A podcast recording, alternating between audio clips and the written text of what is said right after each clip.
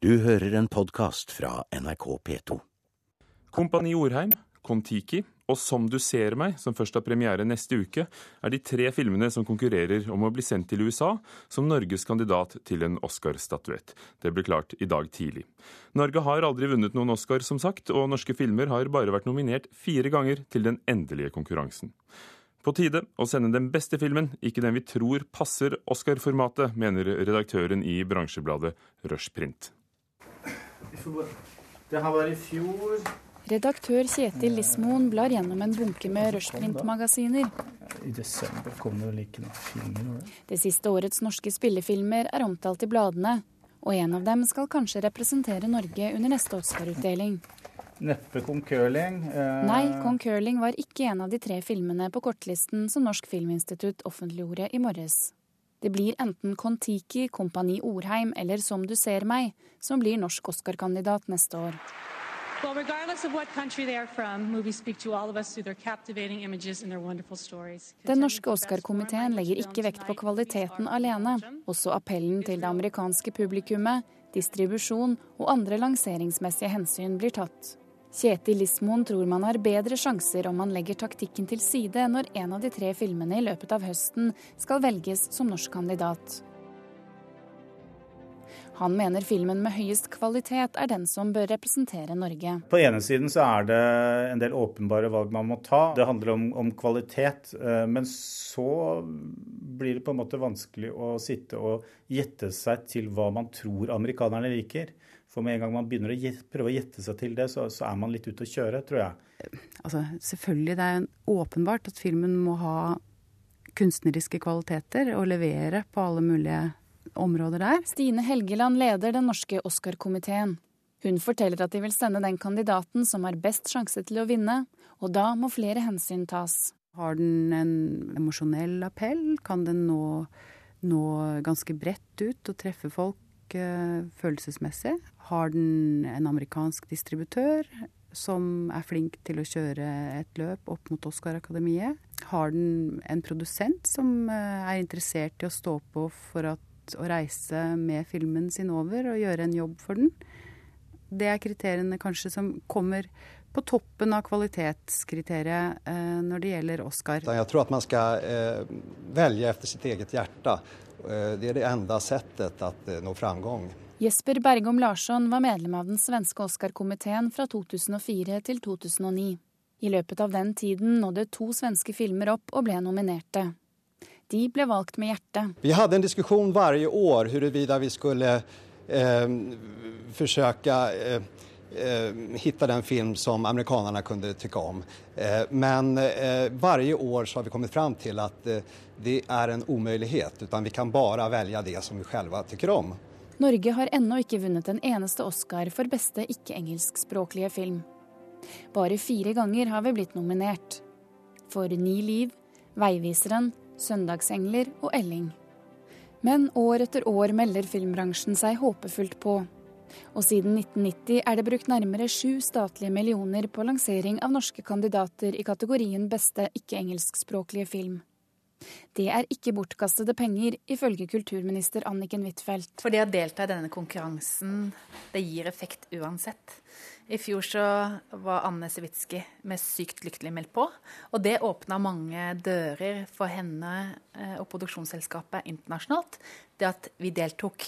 Så det er som i fotballen, at selv om vi ikke vinner EM, så deltar vi i eh, kvalifiseringa. Og det er først når vi deltar i internasjonal konkurranse at vi kan få en tilbakemelding på hvor norsk film står rent kvalitetsmessig sa kulturministeren Anniken Huitfeldt, og reportere var Ina Strøm og Ida Kvittingen, som vi hørte her i reportasjen.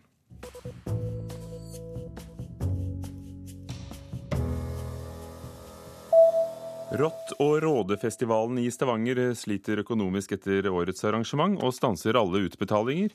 Arrangørene kontakter nå kreditorene med beskjed om at de ikke vil betale noen før de har oversikt over økonomien.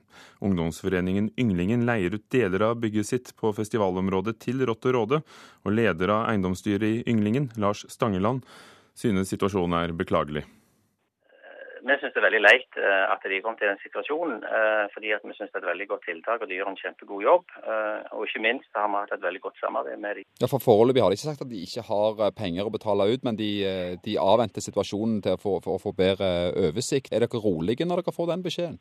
Det er aldri komfortabelt å få en sånn tilbakemelding uh, uansett. Men, men ynglingene om KFM uh, Stavanger de driver jo med arrangementer de på lik linje som Rått og Råde, om en ikke i så store målestokk som de gjør. Så vi vet jo hva det handler om, for å si det sånn. Uh, knekker ikke nakken pga. dette her, men, men, selvsagt ønsker vi betalt for de tjenestene vi har tilbudt dem. Og artistene NRK har vært i kontakt med, sier at de fikk betalt sine honorarer på forhånd, og festivalledelsen har foreløpig valgt å ikke kommentere saken. Reporter Johan Mile Laugaland. A-pressen fikk i august pålegg om å selge seks aviser før Medietilsynet ville godkjenne fusjonen med Edda Media. Og nå klager A-pressen på vedtaket. A-pressen er uenig i Medietilsynets tolkning av medieeierskapsloven, og klager derfor pålegget innenfor Klagenemnda for eierskap i mediene, skriver Dagens Næringsliv. Og britiske forfattere raser etter at deres prisvinnende krimkollega Roger John Elroy har innrømmet å ha skrevet brukeranmeldelser under falskt navn på nettbokhandelen Amazon. Elroy har skrevet både anmeldelser som skamroser sine egne verk, og anmeldelser som gir kollegaer hard medfart. Dette har fått 49 forfattere, deriblant Ian Ranking, Lee Child og Susan Hill, til å skrive et brev til The Daily Telegraph, der de fordømmer Elroy og andre som bruker hans uærlige metode, skriver danske Politikken.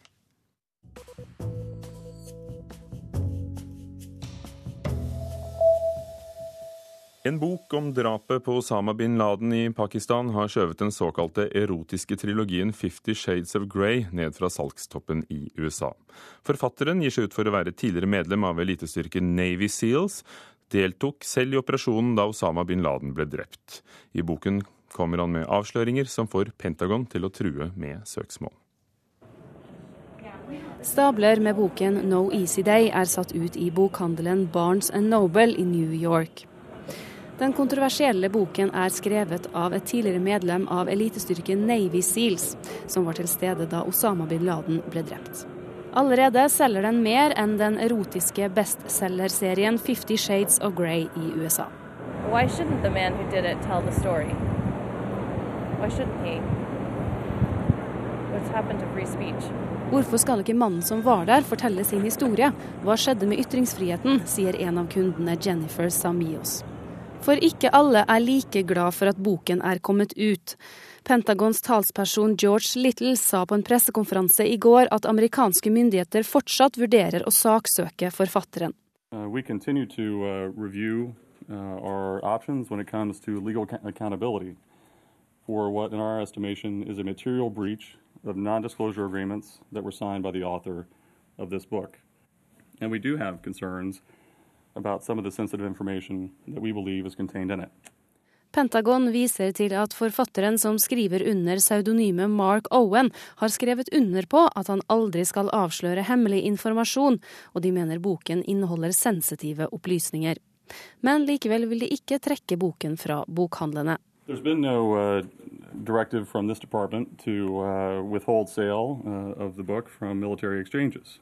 Og reporter var Eirin Venås Sivertsen. Boken er skrevet under pseudonymet Mark Owen sammen med en, eh, en, profesjonell forfatter, men Fox News og mange andre amerikanske medier mener de har identifisert mannen bak som Matt Bissonette. Og Tom Bakkeli, journalist og forfatter eh, som har fulgt bl.a. norske elitestyrker også i Afghanistan. Eh, du kan mye om dette. Hvorfor tror ikke du at det er denne Matt Bissonette som amerikanske medier skriver om? Jeg, jeg, jeg har ikke noen grunn til å tro det ene eller andre Eh, å konkludere bastant. Men jeg mener man må stille spørsmål ved, av ulike årsaker til at en som var med i dette teamet som drepte bin Laden, har, virkelig har eh, skrevet boka. Eh, det, det, baserer jeg både på mm, kjennskap til seleksjonsprosessene. altså Dette er et veldig lite miljø, det er veldig, veldig vanskelig å komme inn. De blir gransket, og de har vært under opptaks- og seleksjonsprosedyrer i mange år før de kommer inn i SEAL Team 6, eller Gold Team som det heter nå. da. Og det er et lite miljø, også etter norsk målestokk. Det er eh, men det er vel ikke utenkelig at uh, noen kan ha mm, brutt, uh, brutt taushetsplikten og, og, skrevet allikevel? Eller Nei. fått den skrevet? Nei, det er ingenting som er utenkelig. Og da kan man lure på motivasjoner. og Det diskuteres jo nå om det er penger eller om det er politiske motiver bak dette her. Eh, og det er klart at det, det, Man har jo sett i den senere tid at uh, også tidligere SIL- eller operatører har vært framme og kritisert Obama-administrasjonen, helt åpent, mm. i uh, politiske kampanjer du, for, for, å lekke til informasjon. Du har uh, fått sett på boken. Hva syns du om det du har lest så langt? Nei, altså, så, så langt, Det lille jeg har lest, har vært uh, kjent stoff for meg. Uh, jeg tror mye av det som uh, de som har fulgt godt med, vil kjenne igjen mye av det som er der. og Nå sier jo forfatteren sjøl, eller i hvert fall den som angivelig er den SIL-operatøren, mm. sier ifølge nyhetsbyråene at se, at han har ikke utgitt noe sensitiv informasjon. eller så, for Nå, nå, nå truer Pentagon med, eller de vurderer å gå til sak mot forfatteren og forlaget. Soldaten hevder i boken at Osama bin Laden var ubevæpnet og allerede døende av et, et, skudd de hadde gjort før de kom inn i, i, på soverommet hans. Um, fester du lit eh, til, til, til, en sånn forklaring? Kan det være mulig? Er det kontroversielt? Ja, Det kan jo være kontroversielt hvis de har brutt engasjementsreglene. Altså jo, de, de opererer jo ikke med carte blanche for å drepe. Det er ikke noe sånn license to kill eh, vi snakker om. De, de er underlagt de samme engasjementsreglene som andre soldater. Og, de, eh, og det, man, skal true, man skal være truet på noen måte for, for, å kunne gjøre det. Men jeg tror ikke vi har sett hele bildet her langt på langt nær. altså. Pentagon eh, hevder ifølge amerikanske nyhetsbyråer at det er militære hemmeligheter som er, eh, er røpet her. Mm. Uh, mens jeg ser at New York Times sin anmelder sier at dette er ikke noe som kan brukes i valgkampen. Han kritiserer ikke noe av den store politikken. Tvert imot, det gir et, et mer menneskelig bilde av, av, hva som skjer, og at dette kanskje er noe som øker folks forståelse for hvordan disse spesialstyrkene opererer. Kan det egentlig tjene Eh, militærets sak ja. å, å, få en sånn bok ut på markedet? Det kan det jo, eh, selvsagt. Jeg har jo en bok her eh, som er den siste av de SIL-bøkene jeg har lest nylig. Av en som er, var sjef for opplæring av Sniper snipere i Navy SEAL. En meget anerkjent og, og erfaren SIL-operatør. Og, og, og, dette er jo godkjent av Pentagon. Og de, det er flere bøker både fra både fra Navy Seal, andre Men er ikke slike bøker først interessante når de ikke er godkjent? At det er da vi får håp om å få vite noe som er mer enn en, en det informasjonskontorene selv kan lage? Det, det, kan man kanskje tro, men jeg tror ofte det er noe som er journalister vi gjerne vil tro. da. Eh, for det, Min erfaring viser at mye av det som er hemmelig, og skal være hemmelig, da, og, og som vi som borgere, altså som journalister, liksom privatpersoner, eh, mener skal, bør være hemmelig. ikke sant? Det er ofte ikke så interessant. Nå hevdes det at denne Matt Bissonette skal opptre på 60 Minutes-programmet 9.9. Det får vi se om hva skjer. Men hvis Pentagon eh, går til noe sak, hva risikerer forfatteren, hvem det nå måtte være, bak denne boken? Ja, Det er jo tilbake til eh, dette med motivet osv. Hvorfor har han ikke latt dette gå gjennom kverna? Altså, han har jo underskrevet på papirer som sier at han har taushetsplikt. Eh, det gjelder også etter tjeneste. Han er, han er en høyt dekorert soldat. Han er meget anerkjent. Men han har altså da ikke latt dette altså jeg, jeg, stiller spørsmål ved hele prosessen. Det er derfor jeg i utgangspunktet mener at man skal være litt, litt, uh, litt uh, skeptisk til, til om, om, han har vært med på dette raidet i det hele tatt. Takk skal du ha, Tom Bakkeli, journalist og forfatter. Sigøynermusikkfestivalen Jagori har blitt utsatt for alvorlige trusler. Festivalen åpner i Oslo på fredag. Leder Natasha Bilenberg sier det er den verste hetsen hun har opplevd i løpet av sine 45 år i Norge. Sønner som lager eh, det er sånne Jakobskirken i Oslo er Natasha Bielenberg i full gang med å forberede sigøynermusikkfestivalen Jagori, som åpner på fredag. Men opptakten til årets festival blir litt annerledes. Bielenberg har mottatt alvorlige trusler rettet mot festivalen. I juli eh, så ringer telefonen hos mamma. Og så tar hun opp telefonen, og de spør skal det være er det. Ja. Skal det være sigøynerfestival? Og mamma er glad, ikke sant? Ringer folk for å spørre. Ja. Og så sier han Og så blir vi truet om at vi ikke skal liksom gjøre festivalen vår. Ble du skremt av den oppringingen du fikk med de konkrete truslene? Ja, ja, ja, jeg ble litt uh, bekymret, ja. Bekymret. Tidligere i år fikk hun også et anonymt brev i en truende tone. Skal jeg lese den? Dere har faktisk ingenting her å gjøre. Det er faktisk ikke uten grunn at folk sier det som de gjør om dere. Bilenberg sier hun aldri har opplevd lignende i løpet av sine 45 år i Norge. Jeg følte meg litt dårlig. Hun mener å se et større hat mot romfolk etter 22.07. i fjor. Jeg har bodd her i tross alt 45 år. Jeg er mer norsk enn jeg er russisk. Jeg er jo sigøyner, men ikke sant? jeg kom hit som et barn. Og etter 22. juli så føler jeg mer negativitet mot oss. Nei, Det er jo helt uh, uakseptabelt hvis uh, kulturlivet i Oslo ikke skal få lov til å gjennomføre sitt uh, program. Det sier ordfører i Oslo, Fabian Stang.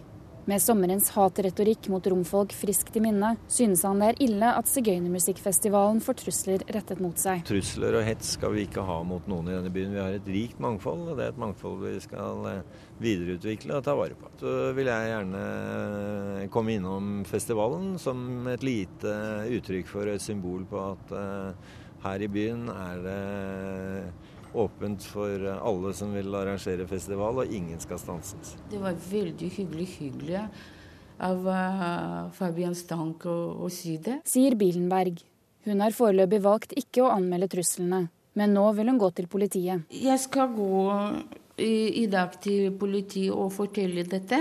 Og så får vi høre hva politiet sier om det. Oslo-politiet har ikke satt i gang sikkerhetstiltak mot festivalen fordi de ikke har hatt kjennskap til trusselen. Stasjonssjef ved Grønland politistasjon, Kåre Stølen, sier at politiet vil gjøre en vurdering av sikkerheten i samarbeid med festivalen om festivalledelsen tar kontakt. De som har mottatt trussel, må jo komme til politiet med han, så vi får kjennskap til det. Så skal vi vurdere det ut sammen med arrangøren hva som skal til. Natasha Bilenberg vil ikke la seg skremme av truslene. Jeg synes vi skal være ekstra nøye med hvem kommer. Passe på at alt skal gå som det skal. Natasha Billenberg få dager før sigøynermusikkfestivalen i Agori skal uh, av stabelen. Reporter var Ida Kvittingen.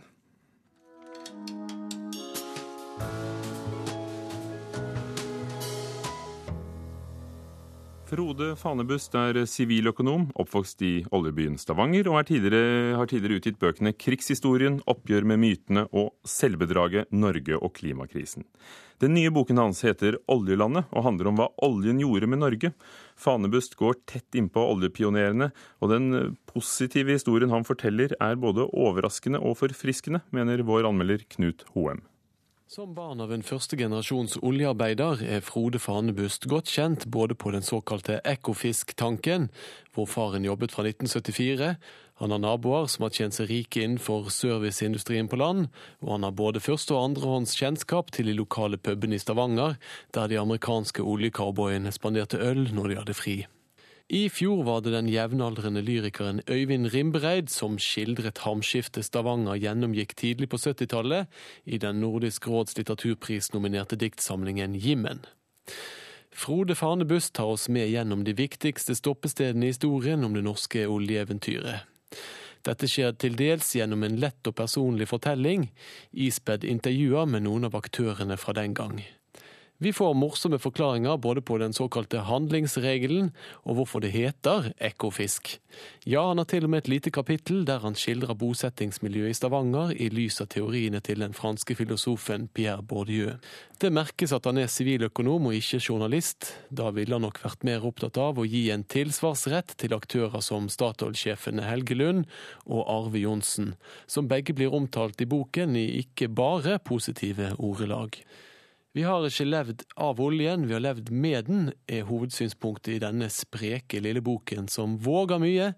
Også den vanskelige balansegangen det er å skrive norsk historie med utgangspunkt i historien om forfatterens egen far. Det går stort sett veldig bra. Den norske oljehistorien er også historien om dykkere som fikk ødelagt livet sitt som følge av for dårlig sikkerhet, helikoptre som stupte i sjøen og plattformer som sank. Også denne historien er godt ivaretatt og fortalt i Fanebusts bok, og bringer i sin tur tankene til vår tids diskusjoner om nasjonal sikkerhet og beredskap. Jeg trodde det skulle være en kritisk bok om Norge og oljen.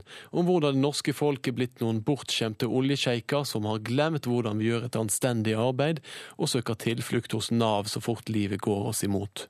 Oljelandet av Frode Fanebust er tvert om en spørrende og undrende kjærlighetserklæring til denne seigtflytende materien som plutselig hjemsøkte vårt land. Det sa Knut Hoem om Oljelandet av Frode Fanebust. Denne uken åpner en ny utstilling på Glåmdalsmuseet om Hedmarks militære historie gjennom de siste 1000 år. Utstillingen er den største militærhistoriske utstillingen på det indre Østlandet, og skal bl.a. brukes til å undervise ungdom. To skier. Jeg mener det er ett par. To ski og en stav. Men de kan stå lent opp etter veggen. De stresser litt nå på Glåmdalsmuseet i Elverum. Jeg har et spørsmål til dere to. Når er dere klare til å ta tekstmøte? Når som helst. Mange detaljer skal fortsatt på plass før dørene åpnes for publikum lørdag. Altså, hvis vi skal vise det her, så tror jeg at vi skal eh, gjøre et sveip gjennom utstillingen. Altså begynne på toppen. Avdelingsdirektør Jan Hoff Jørgensen tar oss med på en militærhistorisk runde gjennom 1000 år. Det er spydspisser, det er stridsøkser, det er sverd. Fra vikingtida, bondebevæpninga, festningsoppbygginga, skiløperkompanier, Altså Denne her er fra 1788. 1905, Den vesle bomba der borte. andre verdenskrig Eh, Det er kun én til i landet som er kjent av de her. til dagens utenlandsoppdrag. Ei historie det er viktig å fortelle, sier avdelingsdirektøren ved Hedmark fylkesmuseum. Forsvaret har vært synlig i distriktet, og derfor er det en samfunnsinstitusjon som det er viktig å fortelle historien til. Magasin i!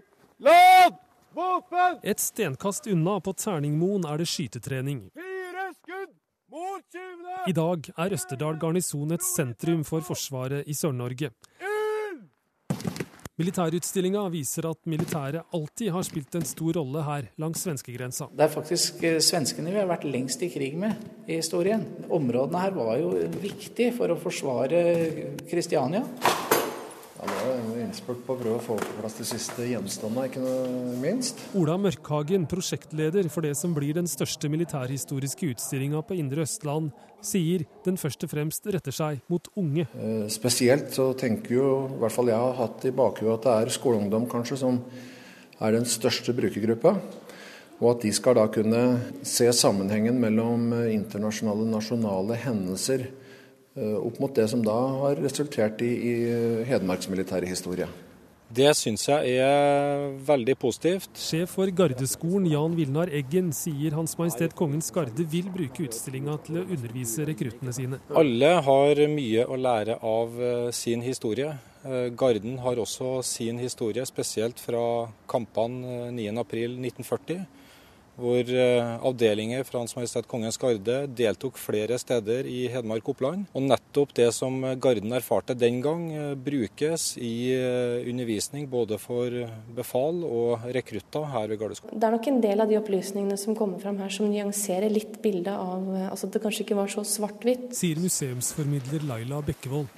Den nye militærutstillinga viser f.eks. at NS-medlemmer var med å stoppe tyske styrker på Midtskogen i 1940. De var mot kommunismen, og ikke minst fordi NS var det eneste politiske partiet som aktivt kjempa for å bygge opp et forsvar, mens veldig mange av de andre partiene, deriblant Arbeiderpartiet, kjempa for å fjerne Forsvaret, mer eller mindre. Og også de som kjempa mot tyskerne ved, ved Midtskogen i 1940, var jo flere av dem NS-medlemmer. Det tenker man seg kanskje ikke i ettertid. Sa Laila Bekkevold ved Glåmdalsmuseet til vår reporter Stein S. Eide. I Kulturnytt i dag har vi hørt at Kompani Orheim, Kon-Tiki og Som du ser meg, som først har premiere neste uke, er de tre filmene som konkurrerer om å bli Norges Oscar-kandidat. Og en eh, norsk journalist med erfaring fra de norske spesialstyrkene om å skrive om dem, altså tviler på at det virkelig er elitesoldaten som sier han står bak, som står bak No Easy Day, boken som røper hvordan Osama bin Laden ble drept, og som er blitt en bestselger i USA de siste dagene. Kulturnytt var ved Hanne Lunås, Gjermund Jappé og Ugo Fermariello, og du hører på Nyhetsmorgen i NRK P2 og Alltid nyheter.